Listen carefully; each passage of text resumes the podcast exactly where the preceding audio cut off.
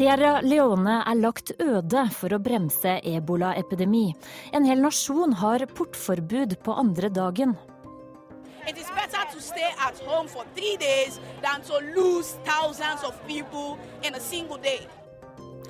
Skottene vil likevel ikke skilles fra Storbritannia, men vil forholdet noensinne bli som før? Og i Kina har vår korrespondent fått ufrivillig selskap i ukens korrespondentbrev. Og ganske snart satt en av de lokale partimedlemmene i forsetet på NRKs bil. Han fisket ut en sigarett, og så spørrende etter godkjennelse til å tenne den. Ja, god formiddag, dette er Urix på lørdag. Jeg heter Hege Moe Eriksen. Og først til en varslet katastrofe. None of us experience in containing outbreaks has ever seen in our lifetimes an emergency on this scale, with this degree of suffering. Ja, ingen av oss har sett en slik akutt krise i vår levetid, sier generaldirektør i Verdens helseorganisasjon, Margaret Chan. Ebolaepidemien har spunnet ut av kontroll i Vest-Afrika og brer seg raskere enn man noensinne har sett. 2600 mennesker er nå døde. I Sierra Leone har en hel nasjon fått portforbud på andre dagen.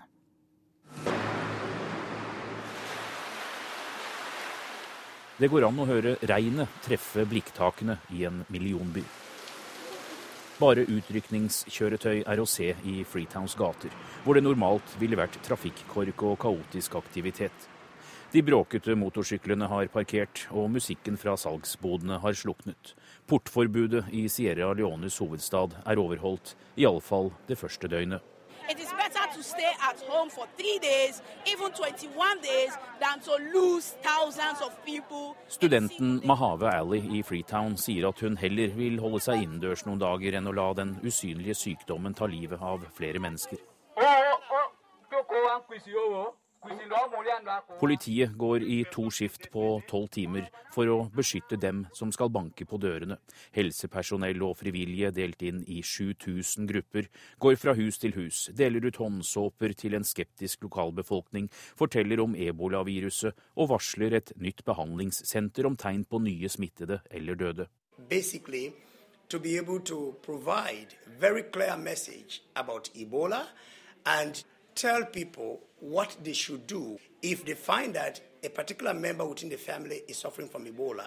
Håpet er at aksjonen vil bremse spredningen, men kritikerne mener den omfattende planen kan virke mot sin hensikt. Reklameskiltene langs de humpete veiene er byttet ut med informasjonsplakater om viruset. Behandles du raskt, øker sjansen for å overleve, står det. Flere sykehus er allerede overfylt og har satt ut vakter for å stanse pågangen av folk som vil bli undersøkt.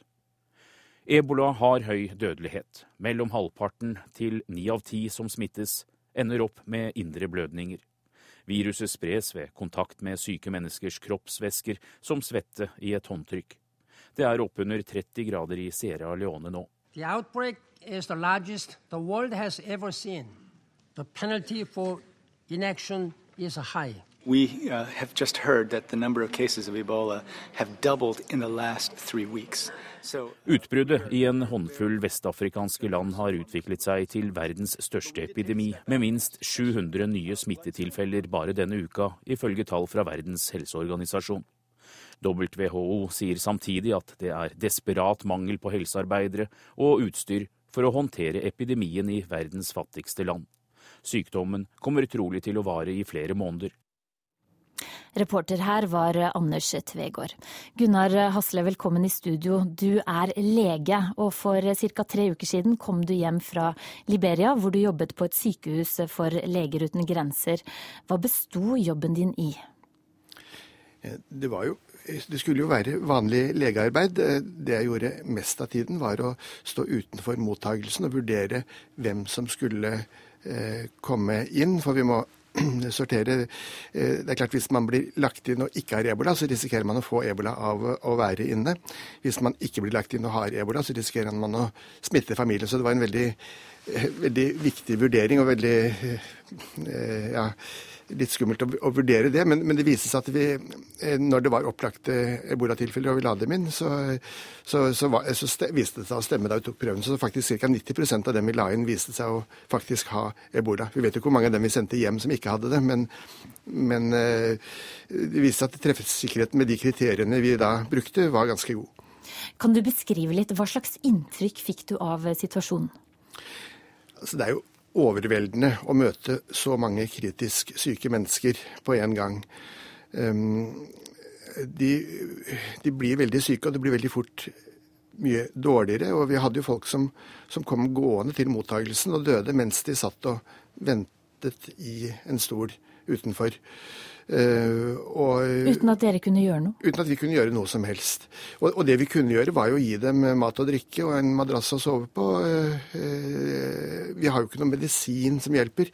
Vi behandlet også alle sammen med malariamedisin og antibiotika i tilfelle det ikke skulle være ebola, men, men noe annet. Men, men, det hjelper jo allikevel ikke mot ebolainfeksjonen.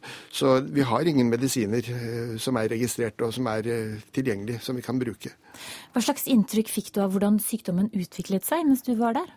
Ja, når du tenker på antallet, så så, så jo vi bare dem som kom eh, som henvendte seg til oss. Men, men, det var jo så at da vi åpnet avdelingen, så, så ble det jo fylt opp i løpet av noen få dager. Så vi måtte bare stenge dørene og dermed avvise alle nye som kom.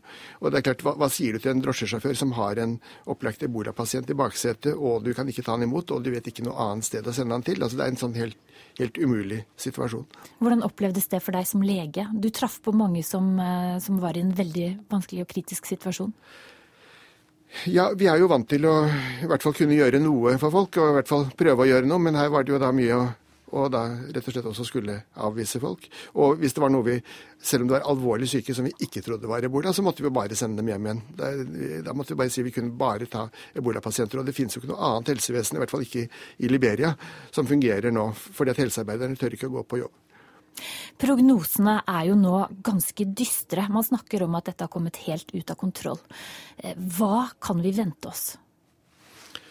Ja, Nå har det jo for så vidt aldri vært under kontroll, men det vi ser nå at tallene begynner å bli så store at det overskrider eh, en eh, realistisk eh, kapasitet. Og nå er det slik at Hvis hver nye som blir smittet, smitter mer enn én, så får vi det vi kaller en eksponentiell vekst. Altså at det øker mer og mer. Og ut fra de dataene vi nå har, som ikke er fullstendige, så tyder det på at det skjer en dobling i løpet av to-tre uker. Og da kan man bare regne seg fremover eh, hvor mange det blir i ukene fremover. Det blir en litt forenklet modell, men, eh, men det er vel egentlig det beste gjetningen vi har. At det vil dobles sånn hver eh, to-tre ukers periode. Og, og, hvis vi ikke får stoppet det nå, hvis ikke verdenssamfunnet umiddelbart får satt i, satt i gang en enorm innsats for å tilby folk isolasjonsplasser. Altså, selv om vi ikke kan gjøre noe for pasientene, så kan vi i hvert fall hindre dem i å smitte noen andre i familien. Men altså, hvis vi ikke klarer å gjøre det, så vil vi få en eksponentiell vekst i en ubeskyttet befolkning. Og da kan vi i verste fall få en uh, epidemi av størrelsesorden som svartedauden i Afrika. Som svartedauden? Ja, altså, Det er ingen som har turt å ta det ordet i sin munn, liksom. Men, men nå, har, nå, har, jo eh, WHO og Vi har snakket om et utbrudd, men nå snakker vi ikke lenger om et, bare et utbrudd. Nå snakker vi om en epidemi, og vi snakker om en stor humanitær katastrofe. For i kjølvannet av denne epidemien så vil det også få ringvirkninger Eh, i samfunnet med at eh, næringsliv eh, vil lide under dette her. Matproduksjon. Skolene er allerede stengt, helsevesenet er stengt. Samfunnsstrukturer faller sammen, vi risikerer lovløshet. Og det kan bli en enorm humanitær katastrofe. Men Det er for tidlig å si nå hvordan dette faktisk vil gå, men det er akkurat nå, hvis vi har noen sjanse, så er det nå vi har den sjansen. Hvis man venter i tre uker, så er det ja, minst dobbelt så mange tilfeller å ta hånd om. Helt kort til slutt, de tiltakene som verden nå setter i gang, vil det være nok? Nei, Det vet vi ikke. Eh, amerikanerne har nå antydet 1700 senger. Men det, hvis vi hadde fått 1700 senger i Monrovia, Liberia i dag, så hadde det kanskje vært nok. Men om to uker så, så, vi, så, så vil det være kanskje dobbelt så mange. Takk til deg, Gunnar Hasle. Og denne uken kom altså USA med et overraskende trekk. President Obama varsler den største amerikanske hjelpeoperasjonen under en internasjonal epidemi noensinne, og sender 3000 soldater til de rammede områdene.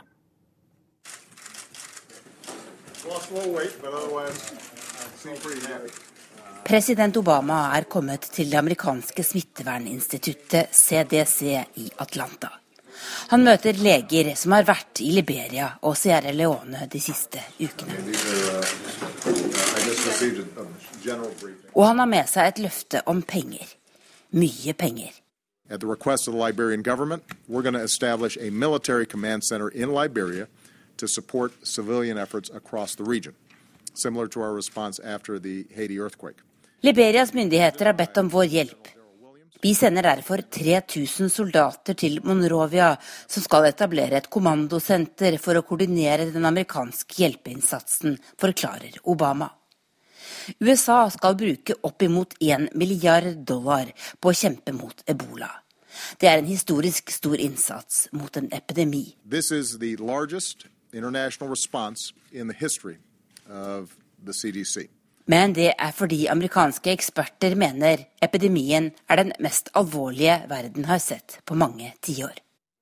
Direktør Tom Frieden ved det amerikanske smitteverninstituttet kom med denne advarselen for et par uker siden.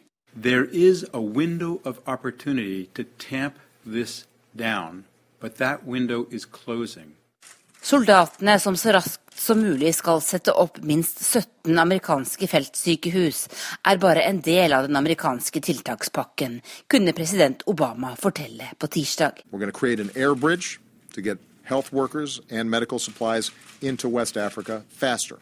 En luftbro skal fly inn medisinsk utstyr og helsearbeidere. Og i Senegal skal det opprettes et depot for hjelpen, forklarte han.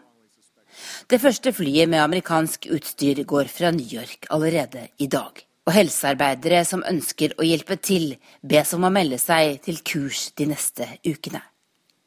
I storbyen Atlanta her i Georgia har fokuset på ebola vært sterkt helt siden epidemien brøt ut. Her ligger ikke bare Smitteverninstituttet, men også sykehuset ved Emory University, som har helt spesiell ekspertise for å behandle pasienter som må isoleres i en epidemi som ebola. Two people coming out of the ambulance in those suits. It is believed that one of those is Dr. Kent Brantley. Hit har derfor tre amerikanske hjelpearbeidere som ble smittet av ebola i Vest-Afrika, blitt fløyet. To av dem er nå friskmeldt og utskrevet. Den siste er fortsatt innlagt, men utenfor livsfare. Den første som kom til Emory, var legen Kent Brantley, som hadde jobbet som misjonær i Liberia. Han er nå på beina igjen, og denne uka stilte han litt blek om nebbet opp i en høring i Kongressen i Washington for å argumentere for en stor amerikansk hjelpeinnsats. Verdens helseorganisasjon er for byråkratisk og har ikke klart å handle for å stanse epidemien.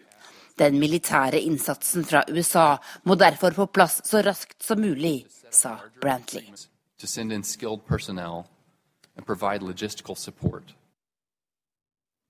Hans Bratskar, velkommen i studio. Du er statssekretær i UD. Norge gir nå 58 millioner kroner for å bekjempe ebolaviruset. Hva skal pengene gå til? Veldig mye av dette vil gå eh, via FN eh, og eh, Den afrikanske union. Eh, Verdens helseorganisasjon eh, tar nå et kraftgrep for å vise ledelse og bedre koordinering, og ikke minst bedre kommunikasjon eh, om problemet i de landene som er rammet. Så vi legger stor vekt på beredskap også i nabolandene. Så det overordnede målet er for FN å få kontroll med denne epidemien i løpet av seks til ni måneder. Men helt konkret, hva skal pengene gå til? Eh, helt konkret eh, kan jeg nevne noen ting. Eh, Leger uten grenser har allerede gjort en kjempeinnsats. Vi trapper opp vår støtte til frivillige organisasjoner. Vi har 18 feltarbeidere fra Leger uten grenser Norge i, i regionen, og Norges Røde Kors forbereder å sende fire feltarbeidere i nærmeste tid. Så støtter vi også arbeidet som Den afrikanske union gjør. De har på trappene et program med 100 nye helsearbeidere som skal sendes til regionen, og det får også norsk, norsk støtte. Leger uten grenser, som du nevnte, sier nettopp at FNs strategi ikke er nok her. Gjør dere nok for å stoppe dette? Jeg vil si at dette er et, problem som vi, altså da vi, det store vi verdenssamfunnet, ikke har respondert raskt nok og godt nok på. Vi skal huske at de tidligere epidemiene, ebolaepidemiene ble relativt raskt uh, brakt under kontroll. Dette er ikke tilfellet med denne krisen. Og vi regner med at dette kommer til å bli ytterligere verre. Eh, vi har, tror eh, FN, minst 5000 mennesker som har blitt rammet av dette. Halvparten er døde. Mørketallene er sannsynligvis meget store. Så dette... hvorfor gjør dere ikke mer her? Hva med utstyr? Hva med behandlingssentre? Hva med mer helsepersonell ned dit? Vi tror at denne krisen kommer til å bli verre i løpet av de neste ukene. Eh, og vi ønsker å rette vår innsats inn på Eh, de mest effektive tiltakene.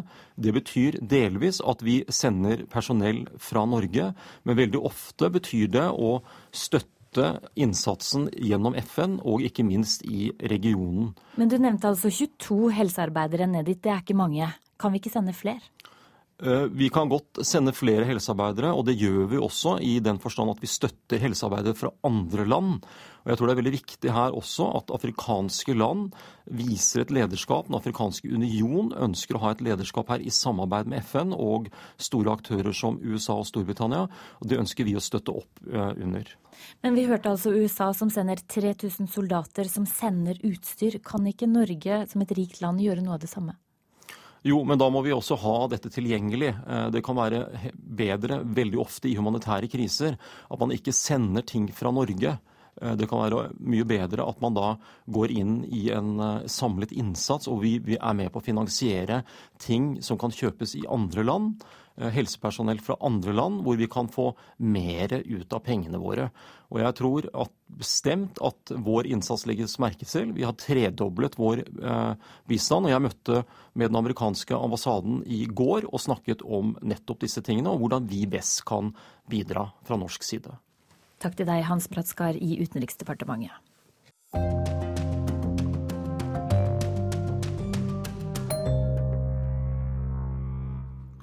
Kampen mot terrororganisasjonen IS i Irak trappes opp. I går kveld kom FNs sikkerhetsråd med en fordømmelse av IS. USAs utenriksminister John Kerry sier alle land kan bidra i kampen, også Iran.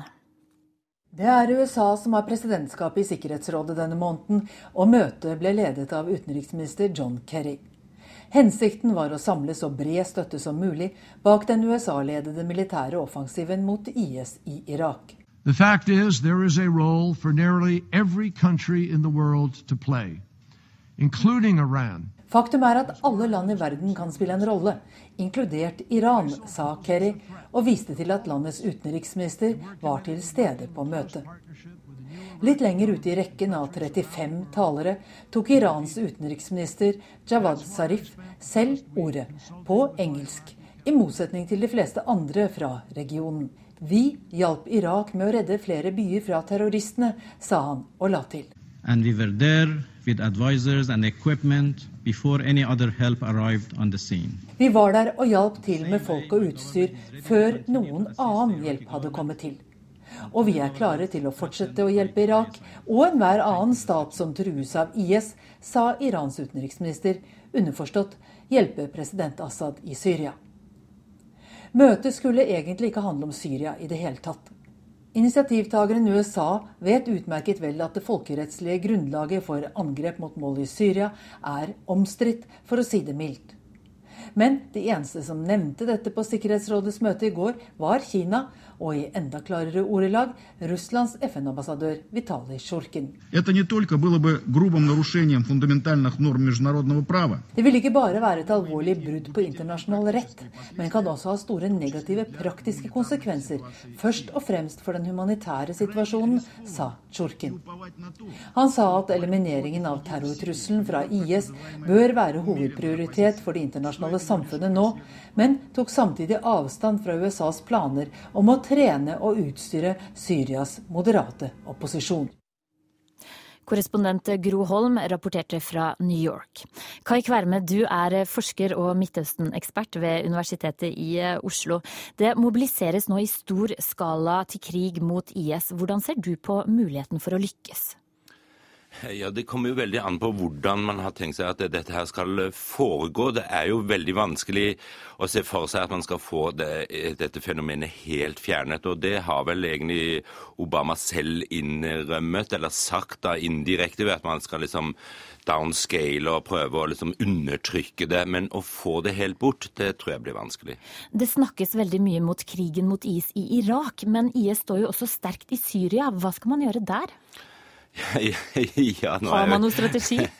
Det er vel akkurat det man ikke har, og det er vel det store problemet. Altså Uten, uten å, å, ta IS også i Syria, så får man jo på ingen måte bukt med dette problemet. Og det, det har jo da kjennetegnet amerikanernes eh, strategi i forhold til Syria fra det øyeblikket opprøret der brøt ut, at man ikke har noen strategi på hvordan man skal takle dette her, verken på den ene eller den andre måten.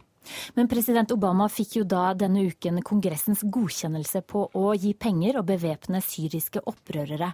Hvem er det som skal få disse pengene?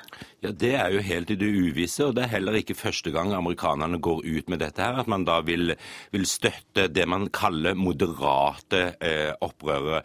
Amerikanernes problem er at det er veldig få som passer deres definisjon på moderate opprørere. Og de som har eh, en, en styrke på bakken og en, en oppslutning på bakken, passer stort sett ikke dette her. Det betyr ikke at de er eh, jihadister på noe plan, men at de kanskje har en eller annen form for islamsk, islamistisk agenda, uten å på noen måte være ytterliggående av den grunn. Men da har amerikanerne sagt at det vil de ikke støtte. Så, så dette blir spennende. Men Hva tenker du da om mulighetene for å lykkes, når man ikke har en reell strategi for Syria? Ja, altså Høyst sannsynlig er de mulighetene veldig, veldig små. Altså Krisen i Syria, fra, hvis man ser fra 2011 og frem til i dag, har jo bare utviklet seg i, i en så forferdelig retning at man knapt trodde det var mulig i 2011. Og mye av dette skyldes amerikanernes, må vi anta, manglende strategi. For hvis det er en bevisst strategi som ligger bak dette her, så, så blir jeg virkelig bekymret. Hvor viktig er det å få en strategi på plass, da? Altså, Det er veldig viktig, delvis for å bekjempe IS, og, og, delvis for å få gjort noe med krisen i Syria. Det er jo klart at man må se for seg en, en politisk løsning der, men, men, frem til nå så har jo problemet vært at først og fremst regimet har nektet å gå inn på en løsning som innebærer at Assad må gå av på veien mot demokrati. Takk til deg, Kai Kverme.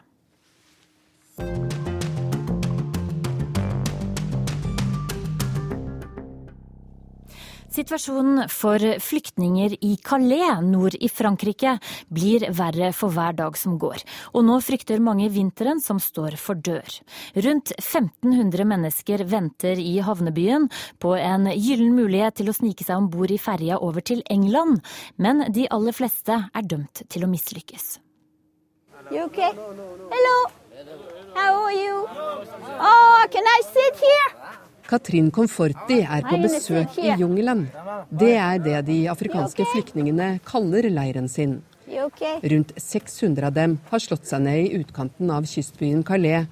Hver dag kommer nye personer. Det er en kald dag. To unge kvinner har skjerf rundt hodet i et forsøk på å holde varmen.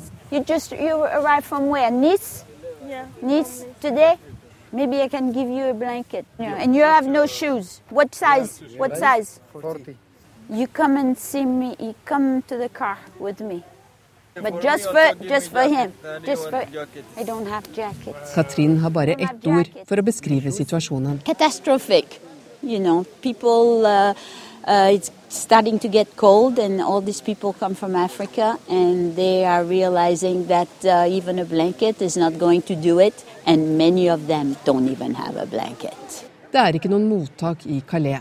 Verken Frankrike eller Storbritannia vil ha det, av frykt for å tiltrekke seg enda flere. Flyktningene reiser hit av bare én grunn å komme seg over den britiske kanalen til England. Davi har forsøkt flere ganger, senest for noen timer siden. UK, I'm in the truck, inside of in the truck. That's a lot of police there. I cannot go. Jeg var inne i vogntoget, men politiet stoppet meg, sier han. Sammen med andre ventet han på at et vogntog skulle sakke farten på motorveien like ved. Calais er et knutepunkt for varetransport til de britiske øyer. Ved å gjemme seg i lasten håper flyktningene å nå målet. Chance,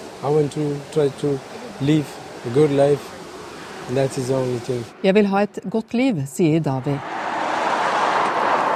They do that day and night now. They used to do it only during the night. Now they do it during the day because there's so many and there's so many. De forsøker både dag og natt nå på å komme seg inn i et vogntog, fordi de er så mange. Selv ikke den beste politimannen kan klare å stanse alle, sier Katrin Conforti.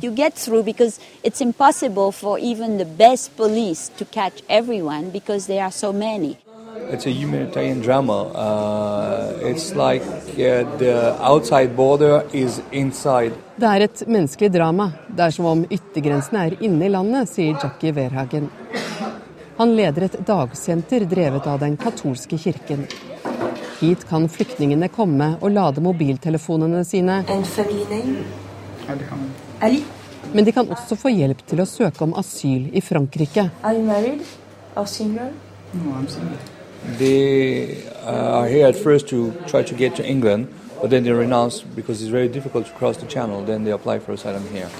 Do you have a passport? På naborommet sitter en av dem.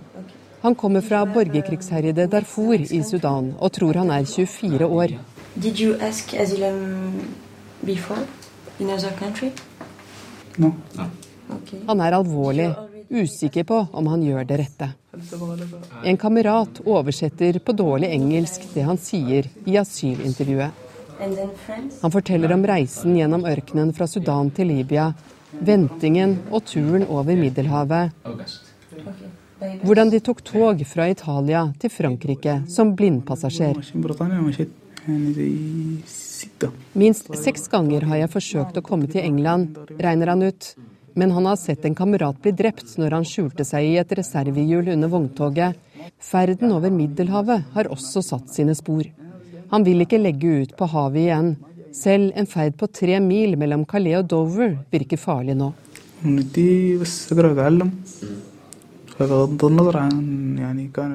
Jeg vil gå på skole og være trygg, det er det viktigste.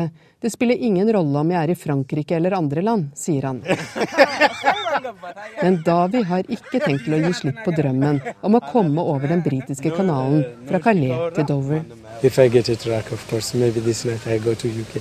I'm sad because I live in this life. Maybe tomorrow is a new day. I hope. Europakorrespondent Åse Marit Befring rapporterte fra Calais. Det blir mer om denne saken i Søndagsrevyen i morgen. Følg Urix på lørdag videre den neste halvtimen. Et splittet Skottland slikker sårene etter folkeavstemningen. The referendum has divided divided communities. Brasil går til valg om to uker, og sjelden har så mye stått på spill for norske interesser. Og møt jenta som ble fanget i gisseldramaet på kjøpesenteret Westgate i Kenya i fjor. They were like, we're here to kill. You killed our women and children in Somalia, and we've come to take revenge. They were saying all things like that, and they spoke in clear English. Som vi vet ble det nei til et uavhengig Skottland denne uken. Men den opprivende debatten har splittet skottene, og kanskje endret det politiske landskapet for alltid. You can stick your independence up your ass. You can stick your independence, stick your independence, stick your independence up your ass. Denne Glasgow Rangers-supporteren legger ikke skjul på hvor han står i diskusjonen om skotsk uavhengighet. Fotballklubben blir regna som en bastion for unionister. Fansen er kjent for å synge 'Rule Britannia' på store stå. Rule Britannia, you fucking bastards! Rule fucking Britannia! Oh, eksamen er slett, er slett, Men folkeavstemminga viste at Rangers-fansen er i mindretall i Glasgow.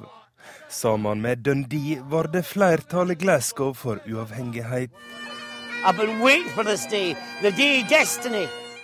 Ja-aktivistene satser alt på å mobilisere de fattigste bydelene i Glasgow. En by som har vært i økonomisk krise de siste 40 åra. Men det var nei-sida som kunne juble til sist. 140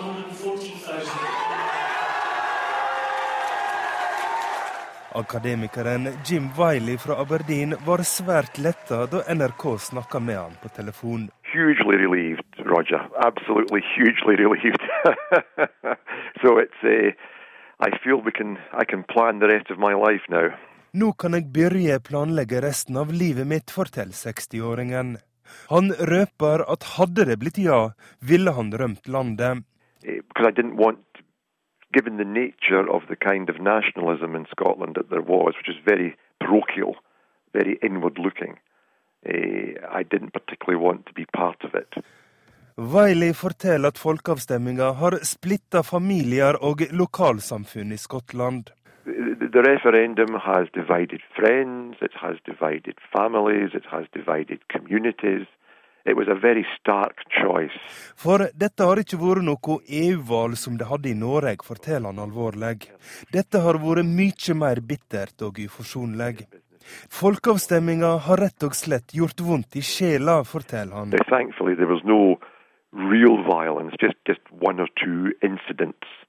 Uh, but emotionally, uh, there was lots of violence, if one can say that. There was lots of emotional uh, violence. Wiley tror det vil gå lang tid før spørsmålet om uavhengighet blir aktuelt igjen.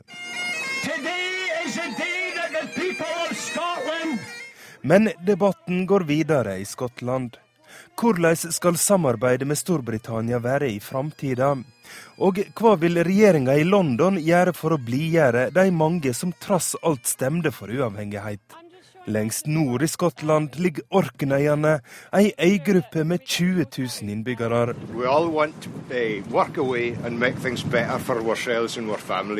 Der diskuterer to krabbefiskere fremdeles om det hadde vært bra eller dårlig å styre seg sjøl, uten innblanding fra det gamle imperiet. Wanted,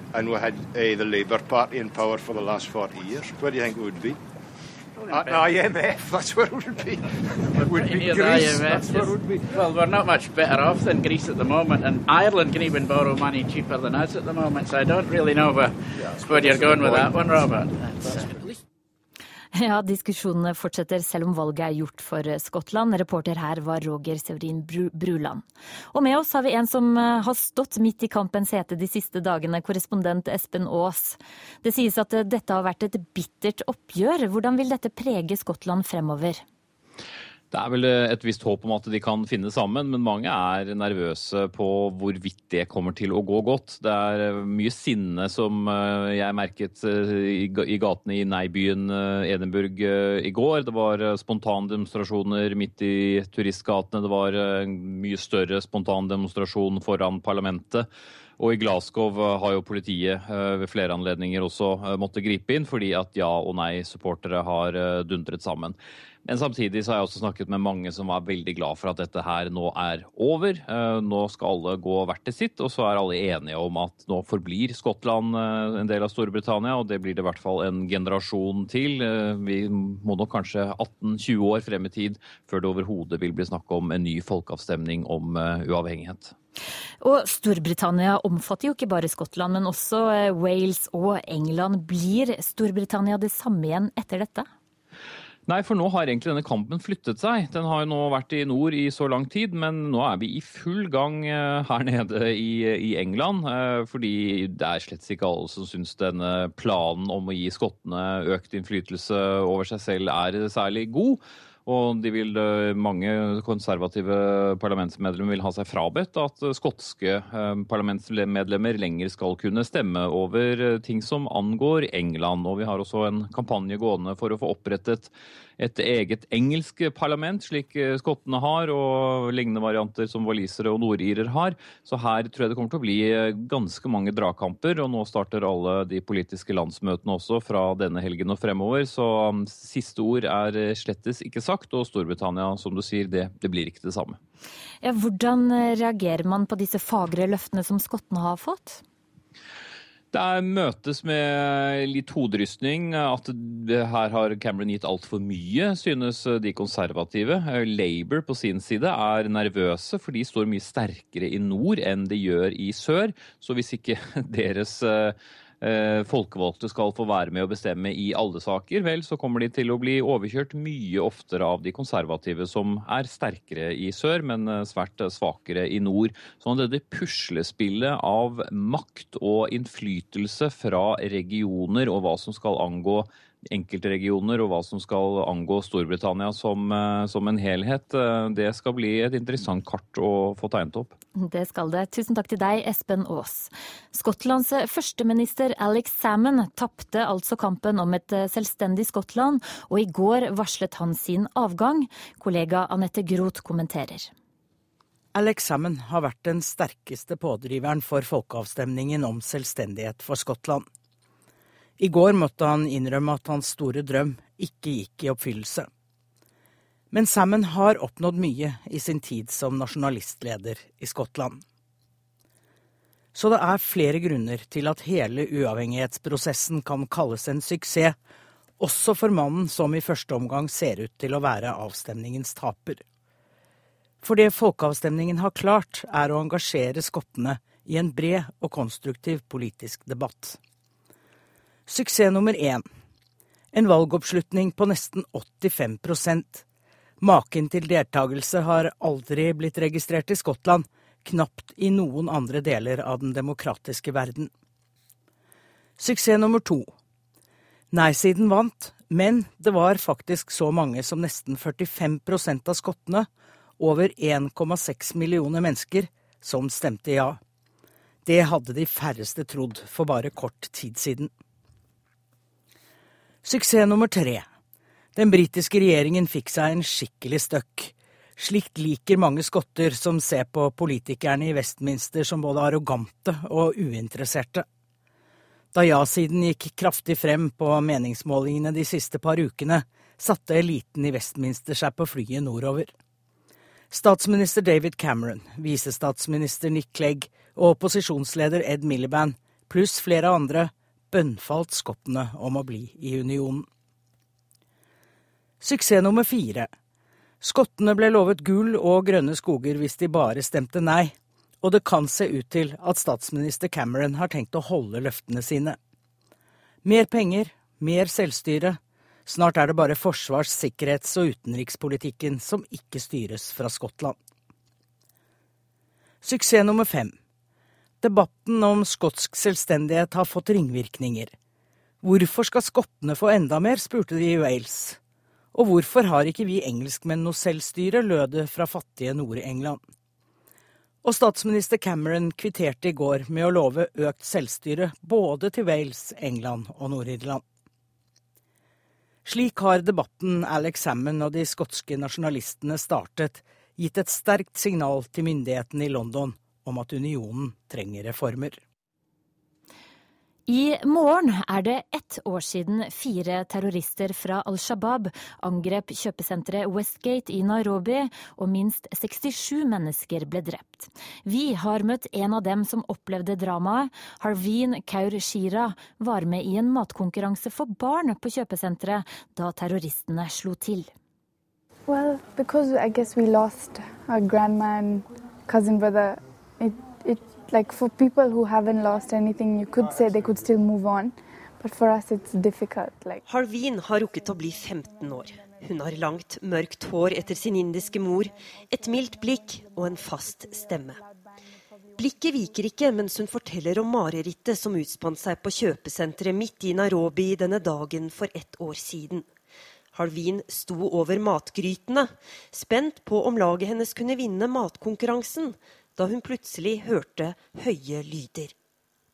My grandma, she told me to just lie down. I think she knew that it was gunshots and she knew what to do. Med ansiktet trykket ned mot asfalten kunne hun høre terroristenes stemmer.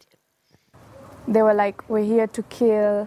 You killed our women and children in Somalia and we've come to take revenge. They were saying all things like that and they spoke in clear English. Vi er her for å ta hevn fordi dere dreper våre kvinner og barn i Somalia. Halvin hører at de snakker perfekt engelsk, noe som underbygger at terroristene hadde bakgrunn fra vestlige land. Nå vet vi at en av dem, Abdi Hassan Duhulov, hadde bodd flere år i Norge. Idet terroristene nærmer seg Halvin, møter hun blikket til en av dem. And then he said that we don't normally kill women and children. And when he said that, I looked at one of them and I made an eye contact. And then he shot me in the thigh. Terroristen skjøt Halvin i låret, ankelen og magen. Den unge jenta klarte selv å forbinde skuddsåren i benet og trykke håndflaten mot såret i magen. Hun forteller at det verste ikke var den fysiske smerten, men følelsen av at ingen kom for å redde henne. Biggest question like about that is why did they take so long? Could hear helicopters, but you just didn't know when they would come. You would just keep hearing and then you would not see anyone. Det gikk flere timer før sikkerhetspolitiet og militæret kom til stedet, og da de endelig kom, kranglet de om hvem som skulle ha kommandoen. Den kenyanske avisen The Nation krever i dag at de to som ledet redningsaksjonen, trekker seg fra sine stillinger, fordi de har sviktet det kenyanske folk med sin udugelighet. Halvin får til slutt hjelp av en tilfeldig kvinne som løfter henne opp i en handlevogn, lemper henne over en mur, mens noen andre hjelper henne ut en nødutgang. Først dager senere går det opp for den unge jenta hva hun har vært med på. Once I saw my grandma's and my cousin, my brother's funeral, then I, I said that this is real. Because the first, the other days I was like, it's just a nightmare. That's. Det var Afrikakorrespondent Kristine Presttun som eh, rapporterte. Nå til Brasil, som går til valg om to uker. Og det er ikke bare 200 millioner brasilianere som venter i spenning på utfallet. Norske bedrifter har investert enorme summer i Brasil, og de håper på et maktskifte.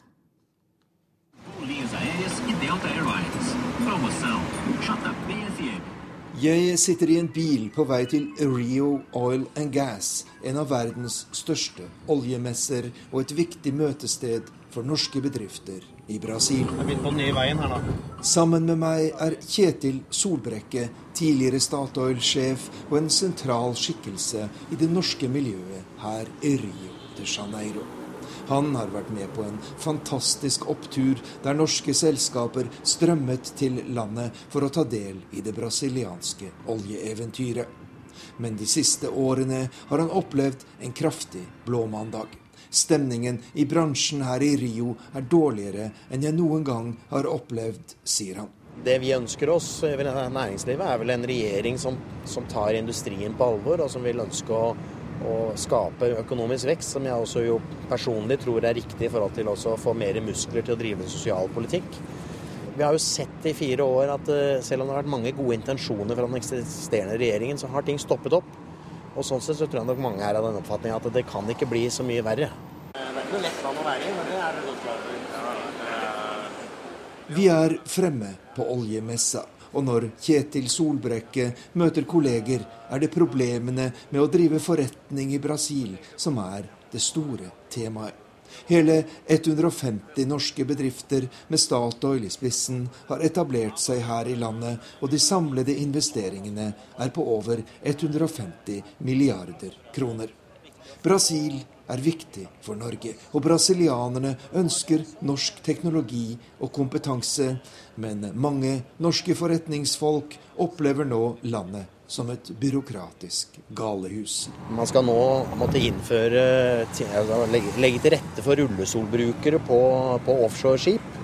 Som jo eh, er så tullete at det går nesten ikke an å begynne å argumentere seriøst imot det. Ekstrem detaljstyring fra myndighetene, meningsløse regler og en stadig tøffere beskatning. Det er noe av kritikken fra norske forretningsfolk her i Brasil. I tillegg må nærmere 80% av arbeidskraften være brasiliansk, samtidig som det er akutt mangel på fagfolk, noe som skaper store problemer. Lønnsomheten for norske selskaper i Brasil er nå svært lav, og flere har forlatt landet. Vår dialog med myndighetene er meget dårlig, sier Kjetil Solbrekke. Det er en dialog som er preget av mistillit, mistro øh, og mangel på kompetanse og mangel på innsikt. Og da sitter man altså og vedtar regler og reguleringer i Brasilia som egentlig ikke har noe rot i virkeligheten, øh, sånn som vi ser den herfra.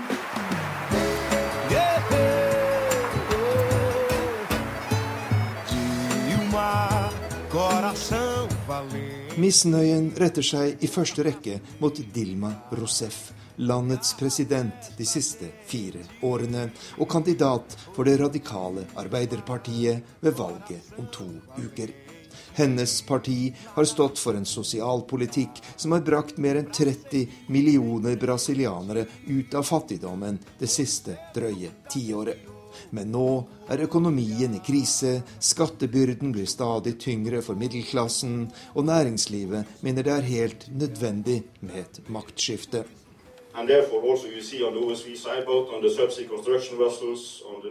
På en konferanse i regi av Norges Rederiforbund her i Rio denne uken haglet kritikken mot myndighetene, både fra brasilianske og norske bedriftsledere.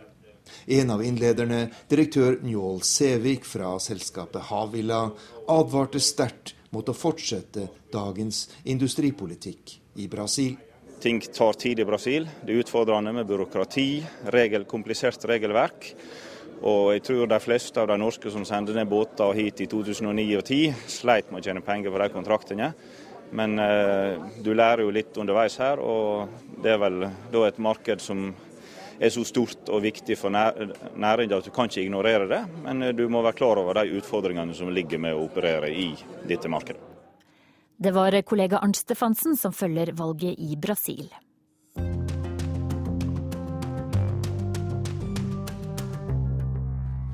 Ukens korrespondentbrev er postlagt i Beijing, hvor Asia-korrespondent Peter Svaar har fått merke at man sjelden er ensom som journalist i Kina. Jeg var selvfølgelig forberedt på det. At det er helt andre arbeidsvilkår for journalister her i Kina enn det er hjemme i Norge. Men at jeg skulle få merke disse forskjellene så raskt og så tydelig allerede på mitt første reportasjeoppdrag her, det ble jeg ganske overrasket over. Vi satte oss i bilen her i Beijing en grytidlig morgen i forrige uke. Over 50 mils kjøring lå foran oss, vi skulle ut og se på slalåmbakkene i vintersportsstedet Sangryo-ko, som har søkt om OL sammen med Beijing i 2022. Det at Oslo også har søkt, gjør det jo spennende å se på hva kineserne planlegger. Kina er fortsatt en ung vintersportsnasjon, og særlig med skianlegg har man ikke hatt her før de siste 10-15 årene. Spesielt kontroversiell kunne jeg derimot ikke forestille meg at denne reportasjen skulle bli. Etter å ha brukt en times tid på å forsere hovedstadens nærmest stillestående rushtrafikk, suste vi av gårde på motorveien. Gjennom det såkalte kull- og stålbeltet av industribyer som omkranser Beijing, og som med alle sine rykende fabrikkpiper er ansvarlig for i hvert fall deler av Nord-Kinas beryktet dårlige luft. Sikten ble faktisk en stund merkbart dårligere der på motorveien, mens kullkraftverkenes skorsteiner var synlige et stykke langt borte i den gråbrune disen. Det var først ved avkjørselen til byen Chongli jeg skjønte at denne reportasjeturen ikke kom til å bli helt som jeg hadde regnet med. På veiskulderen sto nemlig en liten kortesje av dyre, svarte biler. De hadde sotede ruter, og da NRKs bil stoppet ved bomstasjonen, hoppet en liten gruppe lokale partitopper ut og kom mot oss. De var absolutt vennlige og overstrømmende, og ga uttrykk for at det var stas å få besøk fra Norge. Visittkort og håndtrykk ble utvekslet. Men de hadde like fullt stilt opp en bilkortesje her ved veikanten, og de hadde ventet på oss. Snart insisterte en av de lokale partimedlemmene på å vise vei dit vi skulle. Det var jo smale og små veier her ute, måtte vi huske på, hvor det er fort gjort for utenlandske journalister å kjøre seg vill. Protester ble raskt vinket bort, og ganske snart satt en av de lokale partimedlemmene i forsetet på NRKs bil. Han fisket ut en sigarett, og så spørrende etter godkjennelse til å tenne den. På dette tidspunktet var jeg mer fascinert enn bekymret eller forarget, for jeg tenkte som sagt at vårt oppdrag her ute i Sangjo Co da ikke kunne være særlig kontroversielt. Vi skulle bare se på noen skibakker, prate med lokalbefolkningen og intervjue en fra OL-komiteen. Og den lokale partipampen eller andre som måtte være interessert i å følge vårt journalistiske virke denne dagen, måtte for min del gjerne gjøre det. Veien opp i fjellene ble smalere og smalere, og små Svært enkle, hvitmalte landsbyer kom til syne ved foten av de høye fjellene. Vi var nå på nesten 2000 meters høyde. Luften allerede merkbart skarpere. I et fjellandskap der kontrasten er total til Beijings moderne velstand, hvite BMW-er, fancy kaffebarer og blinkende videoskjermer. Her oppe i fjellene er vintrene lange og harde, arbeidet tøft, kårene enkle, og dersom Kina får vinter-OL, kan det bety at de grønne jordlappene her ute forsvinner for å bygge veier, tog, hoteller, deltakerlandsbyer og skøytebaner. For å si det kort, jeg skulle svært gjerne stoppet i en av disse landsbyene. Jeg skulle gjerne hørt hva folk her tenker, både om OL-søknaden og om den storstilte pengebruken dersom lekene blir tildelt. Mannen i forsetet tente sigaretten. Vi hadde dårlig tid, ble vi fortalt, for vi hadde jo en avtale Folk fra søkerkomiteen ventet på oss, og først var det lunsj. Og kanskje trengte vi også å hvile litt, vi hadde jo kjørt i flere timer. Landsbyene føk forbi utenfor vinduet, men nei, det var ingen tid å miste. Vi kunne ikke stoppe nå. I 2014 lå Kina på 175. plass på den såkalte pressefrihetsindeksen. Det vil si at kun fem land med Nord-Korea på jumboplass regnes for å være mer lukket, ifølge organisasjonen Reportere uten grenser. Land som Iran, Cuba, Aserbajdsjan, Jemen, Rwanda og Saudi-Arabia regnes nå for å ha større pressefrihet enn her i Kina, med sine 1,3 milliarder innbyggere, og som i år kan overgå USA og bli verdens største økonomi. På veien til Sangjo-ko hadde vi fortsatt ikke sett så mye som en skibakke. Vel fremme på et enormt skihotell ble vi møtt av to nye påpassere. En ung jente i rosa kåpe var utstyrt med både notatblokk og kameramobil, hun hadde følge av en ung mann i blå OL-genser, og etter å ha håndhilst på meg og fotografen, var det helt åpenbart at de ikke kom til å slippe oss av syne et eneste sekund i de neste par timene. For meg som nærmest var på førstereis som korrespondent utenfor storbyen, var følelsen av å bli betraktet nokså uvant, men igjen tenkte jeg at vårt oppdrag var ukontroversielt, og at de gjerne måtte følge med på hvem vi snakket med. Selv om situasjonen nå etter hvert begynte å bli komisk. En liten gondol skulle bringe oss opp på selve fjelltoppen, og ikke ti ville hester kunne få våre to nye venner til å slippe oss og utstyret vårt av syne. De insisterte på å presse seg inn sammen med oss, og det ble riktig trangt i den røde lille skiheisen mens vi dinglet 30-40 meter over bakken, og vindkastene sørget for at vi svaiet fra side til side.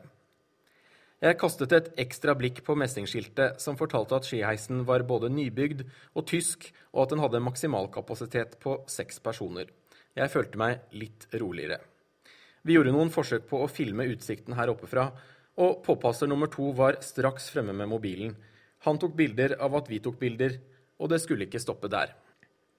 Oppe på toppen fikk vi selskap av et hundretalls kinesiske journalistkolleger. En dame med gult flagg og megafon ropte ut beskjeder på kinesisk mens vi betraktet den flotte utsikten. Den minnet ikke så rent lite om hjemligere trakter, med grønnkledde fjellsider som hvert øyeblikk nå er i ferd med å bli gule. Søkerkomiteen for Beijing 2022 hadde tatt PR-messige grep og sørget for å sikre fjernsynets behov for gode bilder. En gruppe ungdommer på sykkelcross var hyret inn for å sette utfor fjellsiden med både hjelmer og knebeskyttere. Var ungdommene herfra, og hva syntes de om OL-søknaden, ville jeg gjerne vite. Mens vi startet kameraet, hoppet min rosakledde venn mellom meg og intervjuobjektet, og en hurtig remse på kinesisk fulgte. Mens kameraet gikk, forsikret ungguttene at jo da, OL-planene var riktig bra, og om Sang-Jo Ko fikk lekene, ville det sikre mange arbeidsplasser i dette distriktet, og alt ville bli bare velstand. Den rosakledde noterte nå konsentrert hvert eneste ord som ble vekslet i sin notatblokk, mens påpasser nummer to på nytt hadde fisket opp mobiltelefonen, hvor video av vårt intervju ble spilt inn. Denne historien gjentok seg, og alle vi forsøkte å snakke med oppe på fjellet, ble, før de var klare for NRKs kamera, trukket til side, forklart noe på kinesisk, før to kameralinser, og bare en av dem var vår, filmet alt de sa. Forrige gang Kina fikk OL, i 2008, førte det til en kraftig oppmykning for journalistenes arbeidsvilkår her. Utenlandske journalister i Kina har siden 2006 kunnet reise hvor de vil, unntatt Tibet, og intervjue hvem vi vil, så lenge de vi prater med, gir samtykke. Andre tillatelser trengs ikke, men det er altså på papiret. I en rapport fra den utenlandske korrespondentklubben i Beijing, FCCC, som ble sluppet i forrige uke, er konklusjonen at kommunistpartiet de siste årene igjen har festet grepet stramt rundt både utenlandske og kinesiske journalister. OL i 2008, som bidro til å åpne Kina for verden, kan ha hatt en helt forbigående effekt, for selv om de såkalte olympiske reglene fremdeles gjelder, blir de i stadig mindre grad etterlevd, som jeg nå var i ferd med å erfare med selvsyn. Jeg hadde på dette tidspunktet fått kraftig nok av mine påpassere og hadde et sterkt ønske om å takke for følget, hoppe i bilen, bli kvitt dem og se om vi rakk et landsbybesøk på veien hjem. Jeg vinket og sa takk for nå så høflig og bestemt jeg kunne, og ga beskjed til fotografen om at det nå var på tide å raskt forsvinne herfra. Mine nye venner ville ikke høre på det øret, og i hotellets garasjeanlegg kom det til et slags crescendo. Med oss i rask gange mot bilen gikk våre to påpassere opp i lett jogg for å ta oss igjen. Vi måtte følges tilbake til motorveien mot Beijing, fikk vi beskjed om. Det var av hensyn til vår egen sikkerhet. Den rosakledde gjorde tegn til å sette seg inn i vår bil, men nå var begeret fullt, og jeg stilte meg i veien for henne. Men det er ordren jeg har fått fra sjefen, innvendte hun. Vi må følge dere. Slik er det bare. En ny, svart bil dukket opp, og vi fikk beskjed om å følge etter. Heller ikke nå ble vi sluppet et øyeblikk av syne. På nytt suste vi forbi armodet i de lokale landsbyene, uten å ha mulighet til å intervjue en eneste en av de lokale innbyggerne. De som risikerer å miste landbruksjorden sin til OL, fikk ikke si hva de synes om planene. Det spørsmålet sørget en svært handlekraftig pressehåndtering for at vi aldri fikk noe svar på. Men når det gjelder hvordan livet er som utenlandsk journalist i Kina, føler jeg at jeg har blitt litt klokere. Det var Urix på lørdag. Ansvarlige for sendinga i dag var Finn Lie, Lars Christian Rød og jeg, Hege Moe Eriksen.